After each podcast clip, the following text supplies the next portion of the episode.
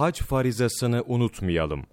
Efendimiz sallallahu aleyhi ve sellemin bizlere vasiyetlerinden biri, bir kimse bizi hac farizasını yerine getirmekten caydırmak için korkutucu sözler söylerse, sıhhi ve mali durumumuz bu farzı edaya müsait olduğu sürece, söylenenlere de inanmamamız hakkındadır.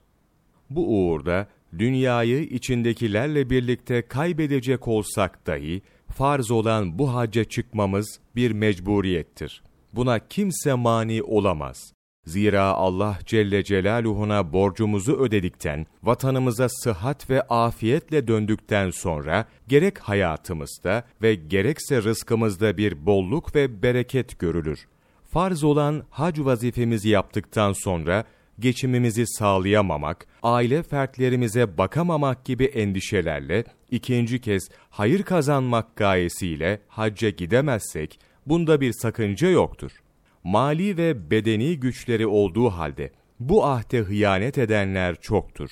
Bunlardan bir kısmı, kendilerine iki sene yetecek ve hac masraflarını karşılayacak kadar fazla malları bulunduğu halde, hac farizasını bırakıp, şahsi durum ve vazifelerinin buna mani olduğunu iddia ve ispata çalışırlar.